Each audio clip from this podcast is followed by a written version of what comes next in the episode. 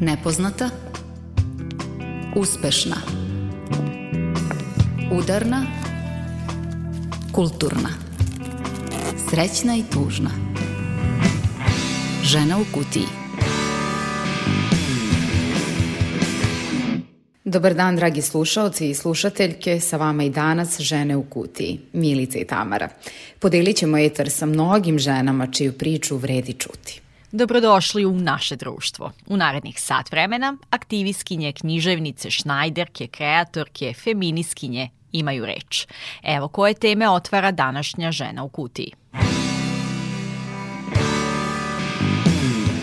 Somborske šnajderke nestaju u misiji ekonomskog osnaživanja žena koje su preživele porodično partnersko nasilje. Kad izađete iz tog, tog nekog zatvorenog kruga, jednostavno imate utisak kao da ćete da poletite. Trenutno prikupljaju novac za prvu samostalnu modnu reviju. U drugoj priči vodimo vas u obilazak Ljubljane, ali na feministički način. Približno 360 spomenika u Ljubljani. Koliko bi kazali ima spomenika žena? Pesnikinja, dramska spisateljica, scenariskinja Milena Marković, današnja uspešna. Svojim nagrađenim romanom u stihovima Deca potpuno je ogolila i sebe i nas. Svojim procesom ogoljavanja ogoliš i druge, to je ono što zapravo čini književnost i hvala vam što ste mi to rekli. Udarna žena u kutiji. U rubrici Udarna skrećemo pažnju na Somborske šnajderke. To je socijalno preduzeće koje pomaže ekonomsku integraciju žena i dece žrtava porodičnog nasilja. Nastale su za vreme vanrednog stanja početkom 2020. godine. Tada su šile zaštitne maske i delile ih ugroženim građanima i građankama. U Ženi u kutiji vas najpre upoznajemo sa njihovom misijom, dobročinstvom i počecima. U priči naše koleginice Ljubice Balać. To bi bila uobičajena humanitarna akcija tokom pandemije, da je nisu realizovale žene žrtve porodičnog nasilja, počinje priču somborske šnajderki Tamara Rudić, predsednica udruženja. Ohrabrene podrškom javnosti koju su tada dobile, krenule su dalje, u svakom smislu. Dok su pomagale drugima, došle su na ideju da šivenje mogu da pomognu i sebi, svim ženama u tom novom, zdravom krugu koje su napravile nakon što su izašle iz onog užasnog kruga nasilja počeli smo sa zaštitnim maskama, u stvari ja volim da kažem da smo počeli bez ičega. Nismo imali tada ni jednu mašinu, materijale. Nailaze, javljali su nam se donatori kao što je Fondacija Princeze Katarine, dobili smo mašine za šivenje. Ta neka dugotrajna saradnja sa Fondacijom Princeze Katarine se nastavila od samog početka do danas jer su oni podržavali kroz somborske šnajderke žrtve nasilja, a zatim mi smo šili dalje za dom, posteljine za domove za decu. Tako da je to dvostruko pozitivna socijalna misija i od strane fondacije i od Somborske šnajderke. Posle posteljina šile smo cegere, sad imamo sobstveni modni brend Amelia Fam ženske spavačice, trenutno šijemo, izrađujemo u stvari lutke za američko tržište, takođe zahvaljujući fondaciji princeze Katarine u Srpskoj narodnoj nošnji. Nazvali smo lutke Viktorija, simbolično kao pobeda, pobednica koja je uspela da izađe iz nasilja. Somborske šnajderke su, kažu, nastale kao odgovor, kao alternativa nasilju. Ako se nešto desi, bilo šta da se desi, žena kad se pojavi bilo gde ona uvijek najđe na, na zatvorena vrata. Jer nama je u stvari e, e, potrebno znači, da nas neko podrži u tome da, da krenemo dalje da probamo da, da zaboravimo to što se desilo, ali i da se borimo protiv toga, da se to više ne dešava. Uglavnom svi mi dolazimo na osudu, dobijemo tu neku etiketu, mislim neko te osuđuje, a neko, neko te žali. I onda ipak e, kad neko ko ima sličan problem i prolazi kroz isto to, e, razumete i tu se stvara ta podrška i malo samopouzdanja i dolazimo, vraćamo se otprilike na ono svoje što smo bili. Nikad to ne može biti kao što je bilo, ali možda može biti bolje od toga. Mi se nalazimo na kraju lanca institucionalne podrške. E, nastale smo iz e, razloga e, zato što je najveći procenat žena žrtava nasilja ekonomski zavisno. 67% žena su nezaposlene.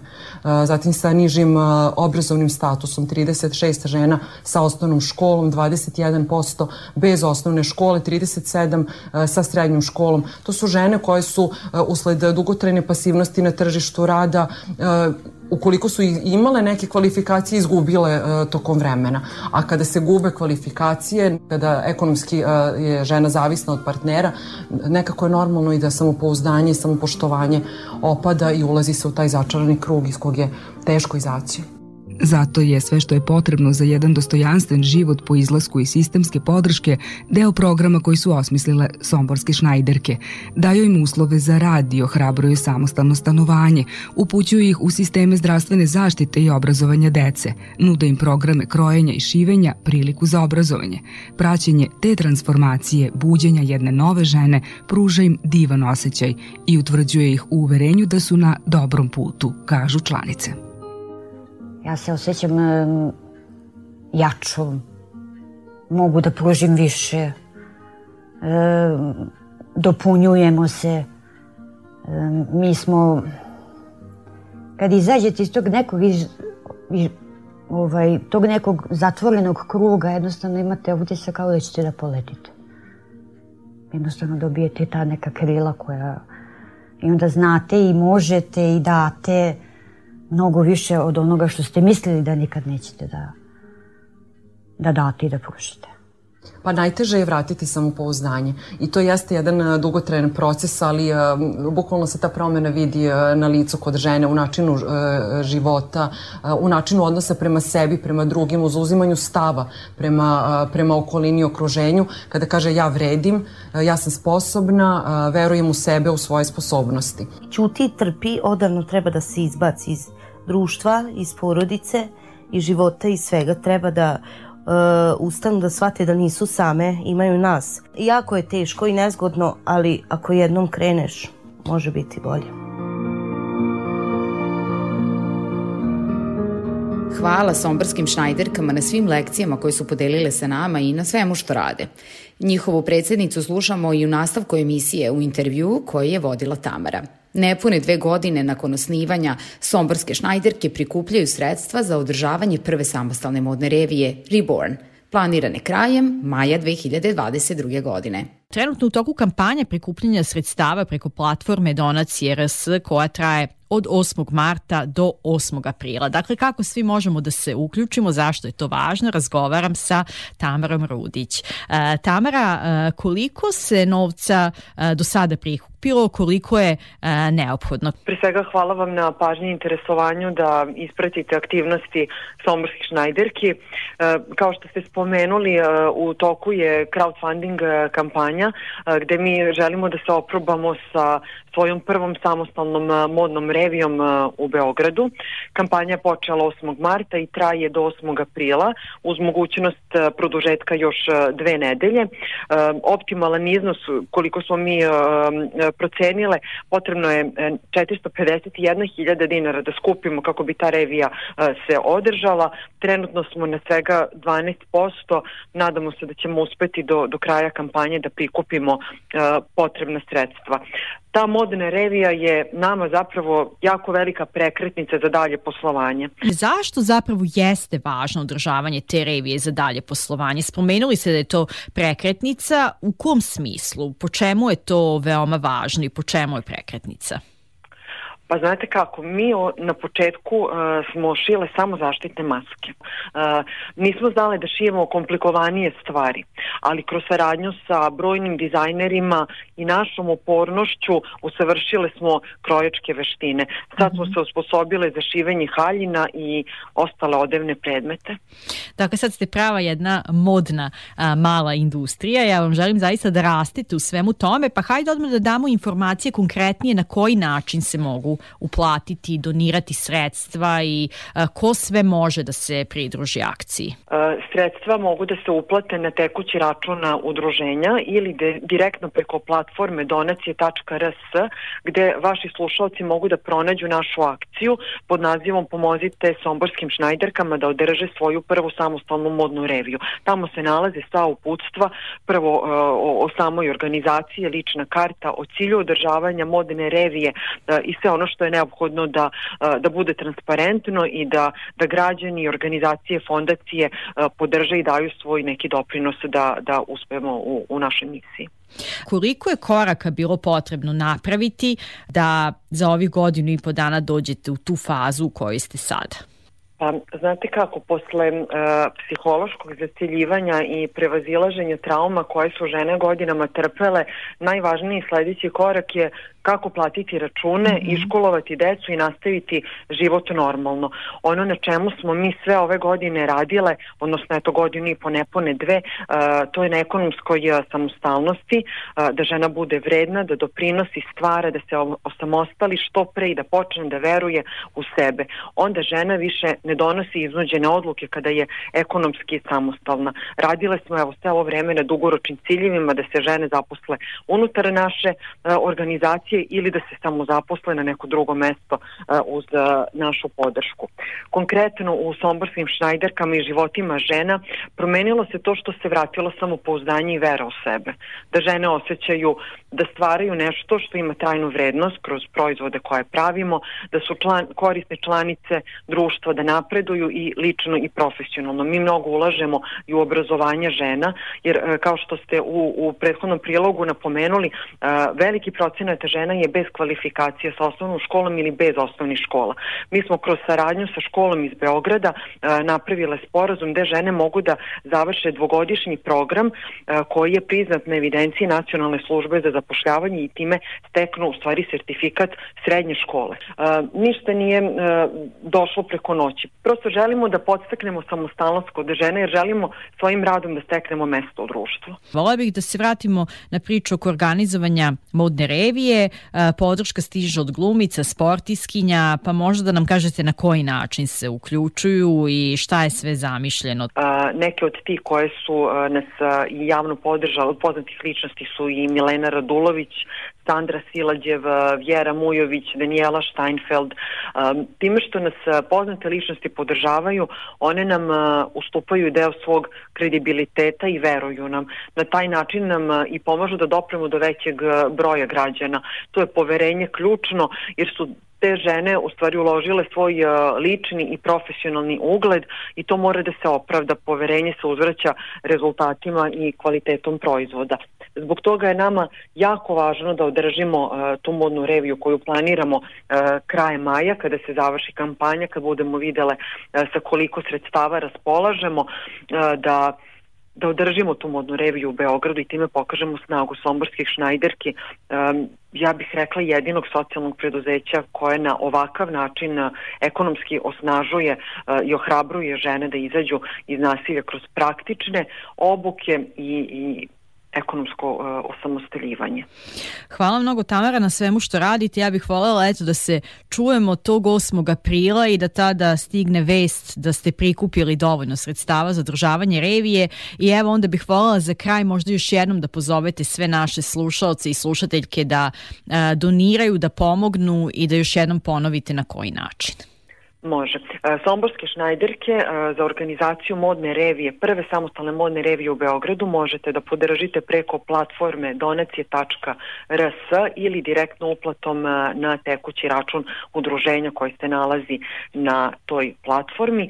Cilj uh, same modne revije je da sašijemo 20 haljina. Modna revija će biti prodajnog karaktera jer želimo da novac od prodaje haljina uložimo u obuke uh, 10 uh, novih žena širom Srbije koje trpe nasilje i možda misle da nemaju izbora i da je izlazak iz nasilja nemoguć.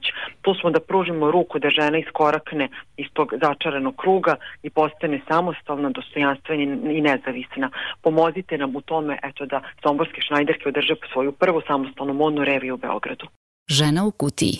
Žena u kutiji ne bi bila kompletna ukoliko ne bismo promovisale muzičke novitete. Naravno, žanra koji nama dvema odgovara, a to je uglavnom na relaciji alternativnog rock i pop zvuka. Artan Lili često nam pozajemlju zvuk za emisiju, a pre nekoliko dana počastili su nas novom pesmom Geller. Nama se baš sviđa. Vama? Ja sam Geller!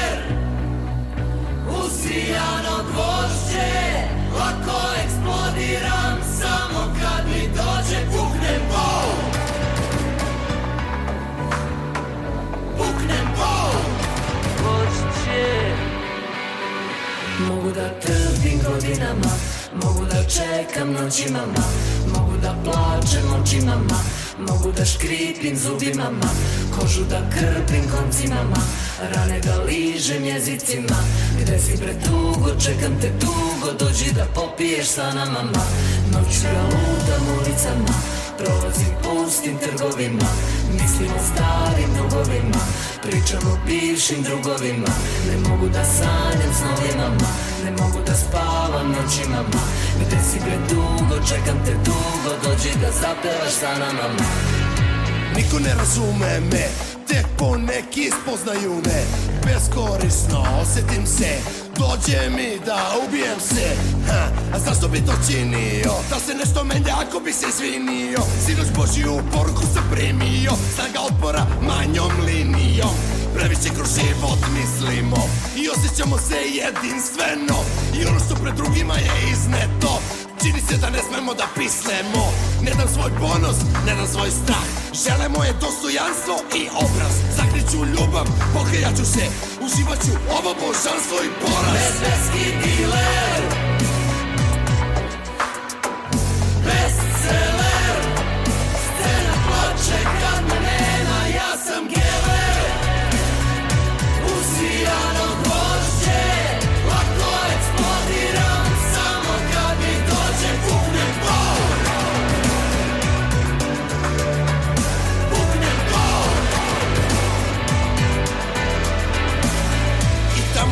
pomislim da imam pokriće. Noći bez noje, slušam stigliće. Želim da ostavim alter i piće. Svakoga dana srećem slabiće. Prate me slike iz ranog detinstva Krvava reka, ljubav istinska. Granice bole, ljudi se mole Rane se sole, oči se vole. I predugo drže se oči na dole Zbog malo nepažnje se beži iz škole. Noću ja lutam ulicama Prolazim pustim trgovima Mislim o starim dugovima.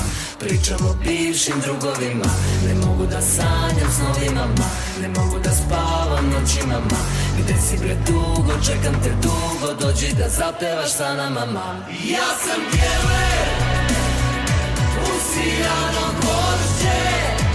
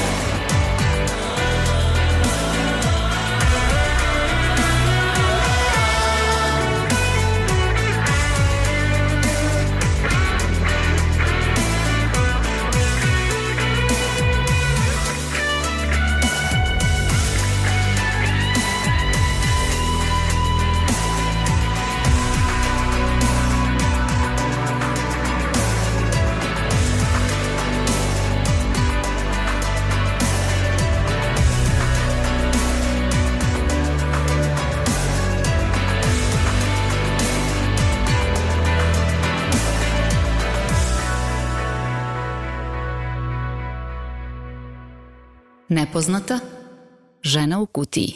S obzirom na to da Ljubljana već nosi titulu zelene prestonice Evrope, najbezbednije prestonice Evrope, od skoro se okitila i etiketom najbolje evropske destinacije u 2022. godini.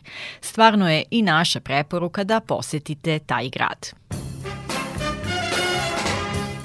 Mi vas naravno nećemo, poput većine, savetovati da obiđete samo one najpopularnije turističke znamenitosti, već vam dajemo predlog da taj grad izučite iz feminističke perspektive.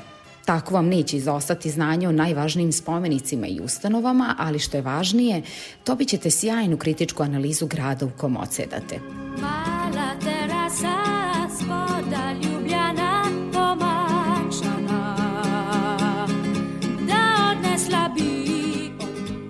Pija Skušek, feministička aktivistkinja i dirigentkinja hora Zborke, vodila nas je tri sata kroz Ljubljanu, a priču je počela na Gornjem trgu o društvu slovenskih učiteljica koje je prvo u Sloveniji imalo feministički program. Borile su se za pravo na glasanje, borile su se za jednaku plaću i borile su se za obligatornog um, celibata za učiteljice.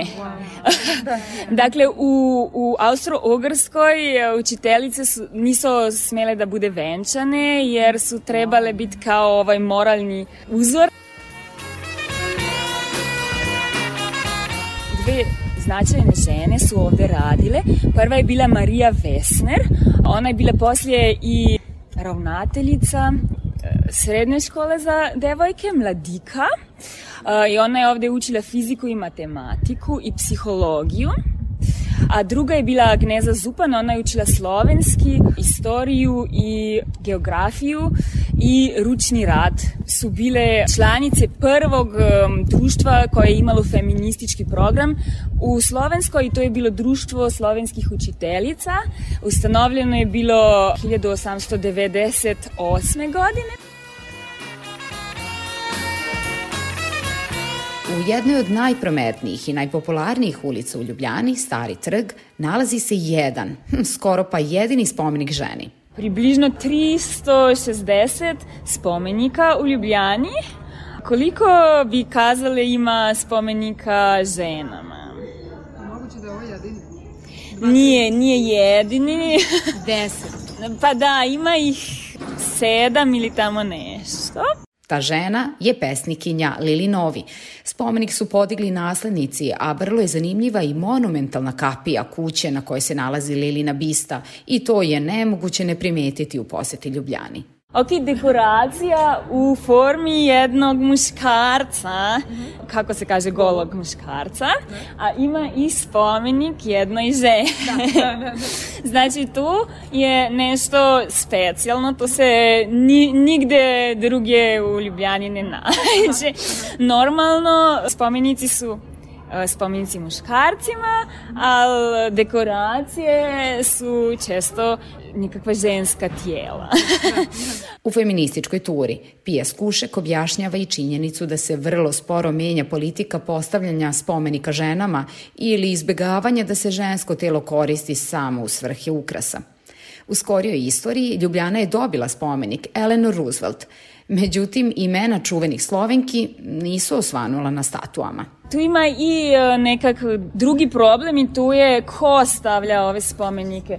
U ovom primjeru ovo je stavila obitelj od Lilinovi i puno ovih spomenika stavila ili obitelj ili neko ko je bio osobno interesovan u ovoj osobi, a ne uh, opština ili država. Na nebo tični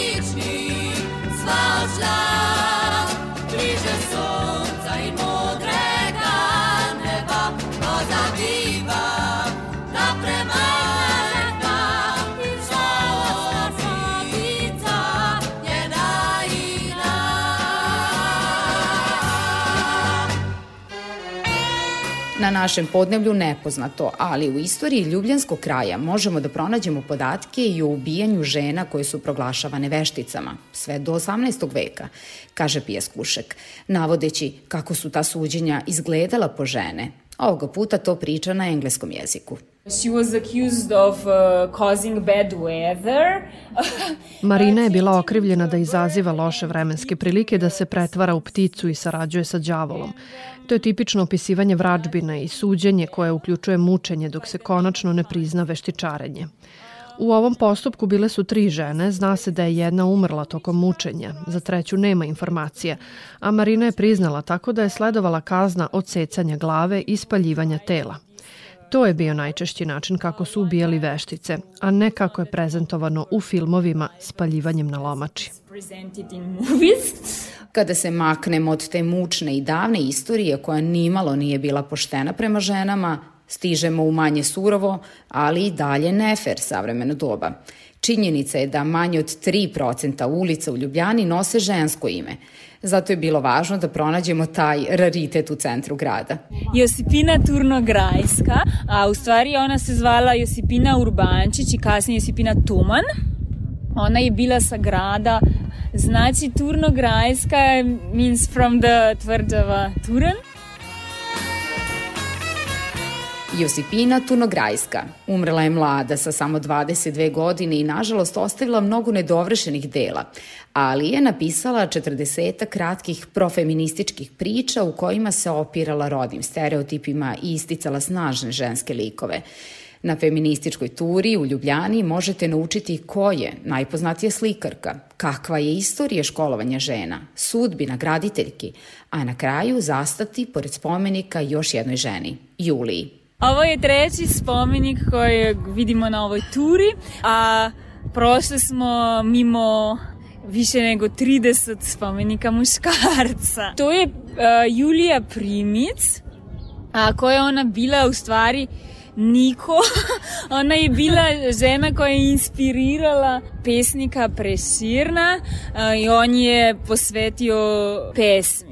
Osim te pomalo poražavajuće činjenice da je jedan od samo sedam spomenika ženama zapravo posvećen muzi, najčuvenijeg slovenačkog pesnika Prešerna, drugi podatak koji je iznela Pija šokira i nema šanse da ćete ga čuti na redovnim turističkim turama koje obiluju pričama o pesnikovoj očaranošću lepom Julijom. She was 16 Ona je imala 16, a on 30 godina kada se zainteresovao za nju i počeo da je uhodi po Ljubljani.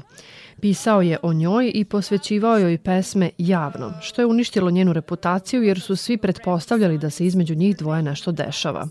Zapravo, ona nije htela da ima ništa sa njim, što se zna iz istorijske građe. um, Znači nije bila tako lepa ljubavna priča. Da, tu nema priče o ljubavi uopšte. Zapravo ona nije ni živela u ovoj kući na trgu, već u kući iza, gde već postoji njen spomenik. Ali su kasnije stavili njenu bistu i ovde na trg kako bi Julija imala direktan pogled na Prešerna i kako bi vodiči svima ispričali tu ljubavnu priču. Utisci devojaka Lucije i Maje koje su upoznale Ljubljanu kroz feministički dvogled oslikavaju bogatstvo takvog turističkog iskustva. Jako mi se svidjela današnja tura stvarno e, jer je pokazala da kroz mnoga povijesna razdoblja u Ljubljani je bilo jako mnogo e, žena koje su doprinjele povijesti, razvoju znanosti, razvoju raznih raznih nekih stvari e, koje danas mi uzimamo možda zdravo za gotovo, a iza kojih stoje žene i kojima nekada ne dajemo dovoljno dovoljno pažnje ili ne, ne, ne, ne vrednujemo njihovu ulogu. I tih par spomenika što smo vidjeli zapravo su nam dali jako bogate priče o tome šta se zapravo dogodilo u Ljubljani i zašto je danas tako e, zanimljiva e, i o razvoju nekih stvari, na primjer, ne znam, e, socijalnih nekih odnosa, političkih, umjetnosti, e, svih vrsta znanosti i tako dalje. E, tako da ovo je jedan lijep početak i super praksa da se zapravo žene nađu i žene same obrazuju jedne druge o tome i idu kroz grad i tako dalje. Čak sam se malo osjećala kao da radimo neku vrstu aktivizma jer činjenica je da da ovako nešto ne organizira država, nego privatne firme ili pojedinci i da zapravo i nije nešto za šta čuješ ovako svakodnevno da je neko išao na feminističku turu. Tako da malo sam imala osjećaj kao da radimo nešto, neću reći protuzakonito, ali kao da radimo nešto što sistemu možda nije milo. I to mi je bilo onako istovremeno zabavno, a malo i otužno. E, I was surprised. Bila sam iznenađena tako malim brojem znamenitih žena u urbanom delu grada. Iskreno, nikada ranije nisam o tome razmišljala i nije mi to bilo tako očigledno, ali sada kada sam toga svesna, prilično je problematično i to bi podhitno trebalo ispraviti. Kind of urgent to be corrected. Yeah, na,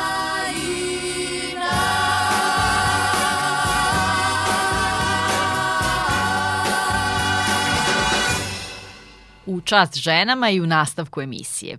Dopao nam se zvuk sa hrvatske nove muzičke scene, što nije novo za ženu u kutiji i prilično smo pod uticajem novog novog vala. Slušamo novu pesmu Lucije Čustić-Luce, Zašto? Zašto me sad pitaš da sam dobro kako je? Zašto me sad gledaš, čekaš moje mrvice? Hodam, tek sad vidim sve te laži koje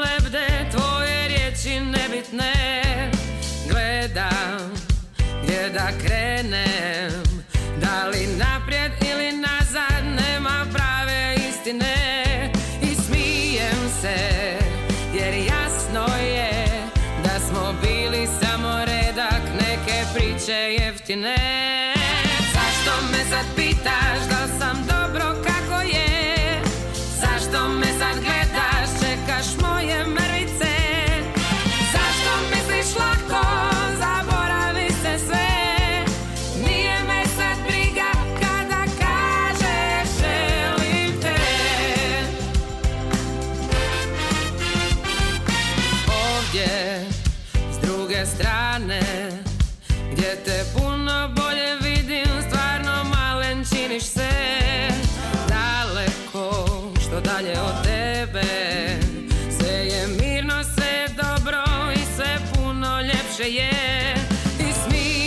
Se Jer jasno je Da smo bili samo redak Neke priče jeftine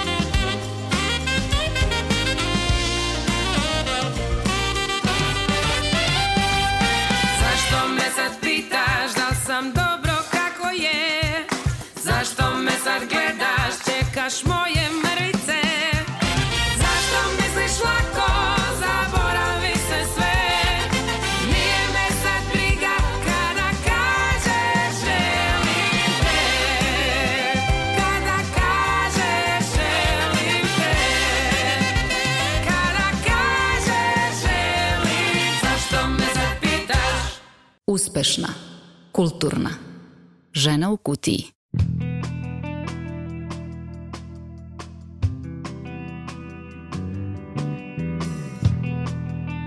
Ovogodišnji sajam knjiga i književni program Evropske prestonice kulture doveli su u Novi Sad mnogo domaćih pisaca i pisaca iz okruženja, cenjenih i među našim čitaocima i čitateljkama. Nas je naročito obradovalo prisustvo književnica koje volimo. Jedna od njih bila je pesnikinja, dramska spisateljica, scenarijskinja Milena Marković. Svoj roman u stihovima deca, nagrađen Ninovom nagradom, prvo je predstavila na sajmu knjiga, pa zatim u prepunom pozorištu mladih, a u predahu između potpisivanja knjiga na sajmu je sa Milenom Marković razgovarala koleginica Tatjana Novčić-Matijević. ovo jeste završena priča, ali ta emocija o deci, o sebi kao detetu i o sobstvenoj deci je negde ta vertikala koja, koja traje. Pa jeste, pa ja sam manje više stalno pričala o sebi na neki način. Ja mislim da inače pisci to stalno rade. Znači čak i žanrovski pisci, na, na, ja mislim da je Jack London stalno pisao o sebi, mislim da Elroy piše stalno o sebi. Najveći žanrovski pisci u suštini oni koji imaju taj jedan autentičan glas na neki način, pored e, toga što prave jedan stilizovan zaplet, pišu o sebi zapravo, a tek pisci ovog, ovih, ove te takozvane visoke umetnosti, oni isto pišu stalno o sebi, zapravo o svetu koji poznaju, ovaj, o svetu kako ga oni vide, samo je pitanje, znači, da li ćeš ti, kako ćeš ti odabrati da ispričaš tu priču. I onda je u jednom trenutku e, došlo do toga da se pojavi ta autofikcija kao situacija u kojoj pisac izabere da li da mu neko bude alter ego, kao što su imali ovaj, fante Artura Bandinija i, i imao je Bukovski svog alter ega, se znao da je to zapravo on, a kasnije i pre toga pisci koji su nazivali uh, Jean Genet isto pisao sebi. Uh, Kafka na neki način pisao o sebi, osim što sve njegove priče su bile priče njegovih košmara i podsvesti, znači nisu bile, ono nije objektivizovao, niti je pričao kroz liriku, nego je pričao kroz trans i košmar. Ja se uvek jako to naježim kad krene to da priča o sebi, jer e, u suštini mnogo e, pisac i diletanata i nekih koji bi želili da budu pisci, to neće biti, bit će nešto drugo u životu, ima toliko, toliko je život veliki, može svašta se radi, počnu tako što pišu o sebi. Međutim, nije to dovoljno, to mora da bude u određenoj formi, mora da ima određenu metriku i mora da se tiče nekoga, jer inače ostaje samo u jednoj formi ispovesti. Ja i, i, sa studentima kada radim, prva njihova vežba neki način je priča o sebi, ali ja im dam tačno šematski prikaz kako da se od sebe potpuno odvoje, da to slučajno ne ode u psihodramu, ispovest, e, e, ovaj, neke sada vicevi i dogodovštine iz njihovog mladog doba, jer je to strašno dosadno. E, sve je dosadno što nema umetničku vrednost i, besmisleno i ne tiče nas se, osim ako nismo sami učestvovali. Znači, to je prosto stara priča i ovaj, svemu sam pisala o sebi. U drami Nahod Simeon sam pisala o sebi, na primjer. To sad Nahod Simeon, pa se setila, pošto sam ovde u Novom Sadu, to je velika predstava bila i moja omiljena. I ja sam dobila, zvali su me da, da uradim, to je bilo godišnjica sterije, ja sam uzela da Nahod Simeon, ali se meni drama nije svidla, ja sam u suštini uradila svoju potpuno po, ovaj, po zapravo narodnoj pesmi I onda sam odgovarala na pitanje i stavno sam Patahod Simeon, to jesam ja, to nema veze što taj život je potpuno drugačiji, to sam ja. Iz njegove e, u smislu njegove beskonačne žudnje za ovaj, zatvaranjem kruga, znači da do kraja doživi, što na neki način, rekli bi razni filozofi, psiholozi i ovaj, neki tako taj zaguljen svet ima veze sa tim da se vratiš u matericu majke na ovaj Dobro, vi ovde i decidirano da. govorite Jeste, da ne želite ovaj, da ovaj, to ovaj je, svet. To je isto Nahod Simeon koji je tragedija, ima to veze direktno sa Edipom, ali on se na neki način isto vraća u ovaj, svoju majku, tako da ja ovde, ali ja sad direktno ogoljeno zapravo razne te motive neke. I zapravo, i zapravo su vam deca, imam utisak, najogoljenija u, u, u tom odnosu.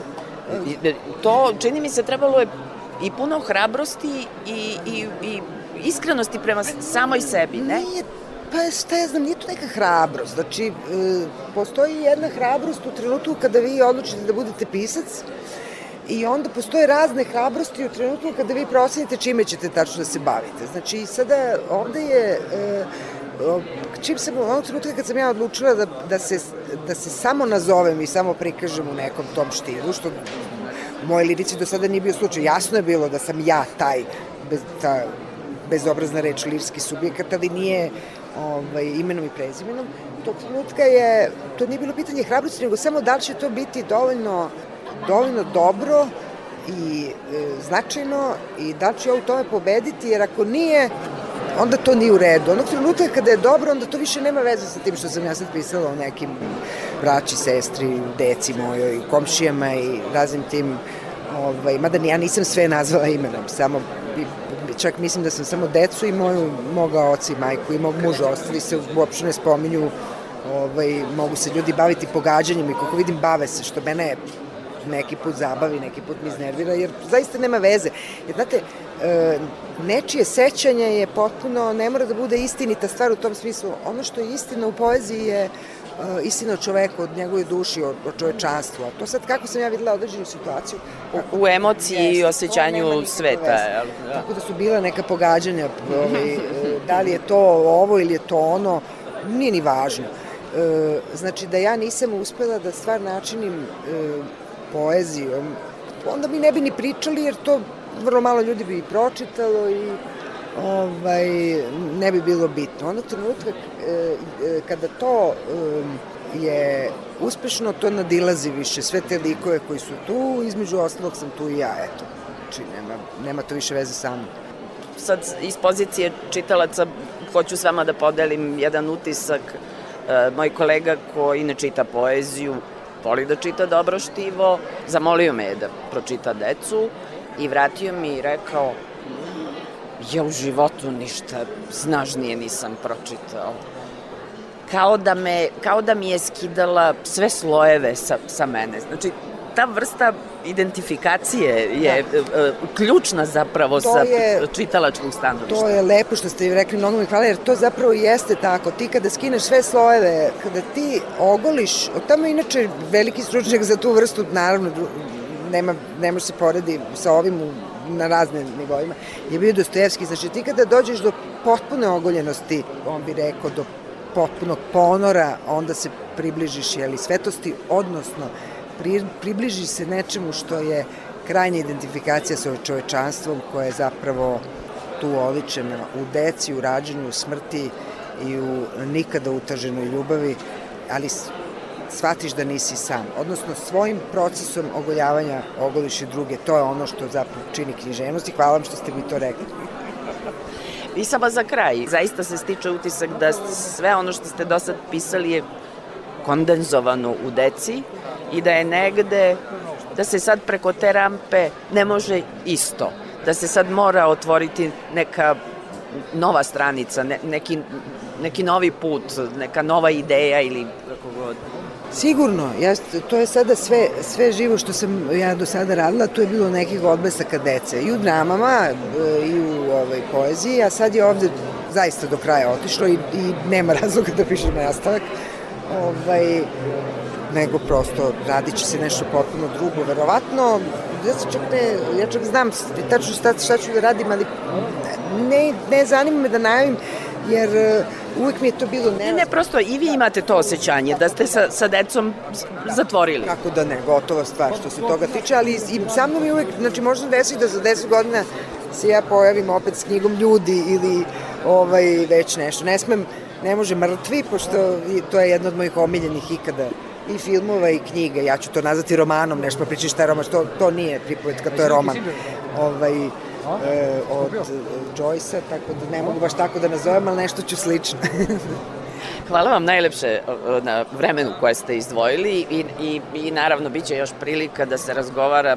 Vi ste vrlo produktivna i kreativna autorka, tako da, da ide stalno u raznim formama. Što bi rekla moja pokojna majka, ako smijem da se izrazim, kokoške me posrale.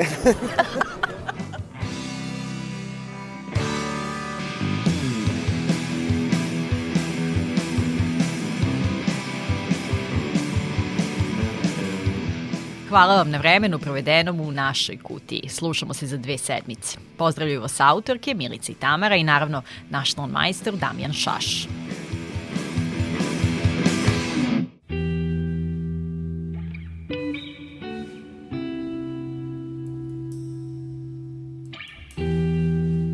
Tu je i muzička odjava. Inspiracija za pesmu stigla je od vesti da su đaci u našoj zemlji izabrali najlepšu reč u srpskom jeziku. Praskozorje. Divna reč.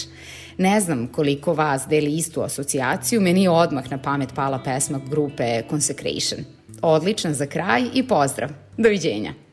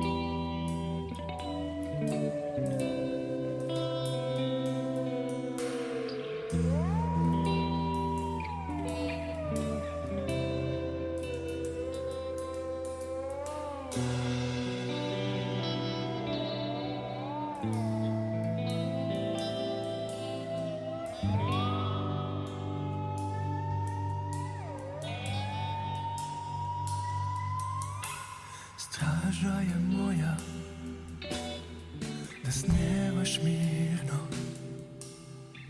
Prasko zorje ljubi časno Straža je moja.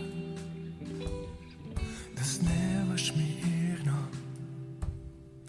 Prasko zorje ljubi časno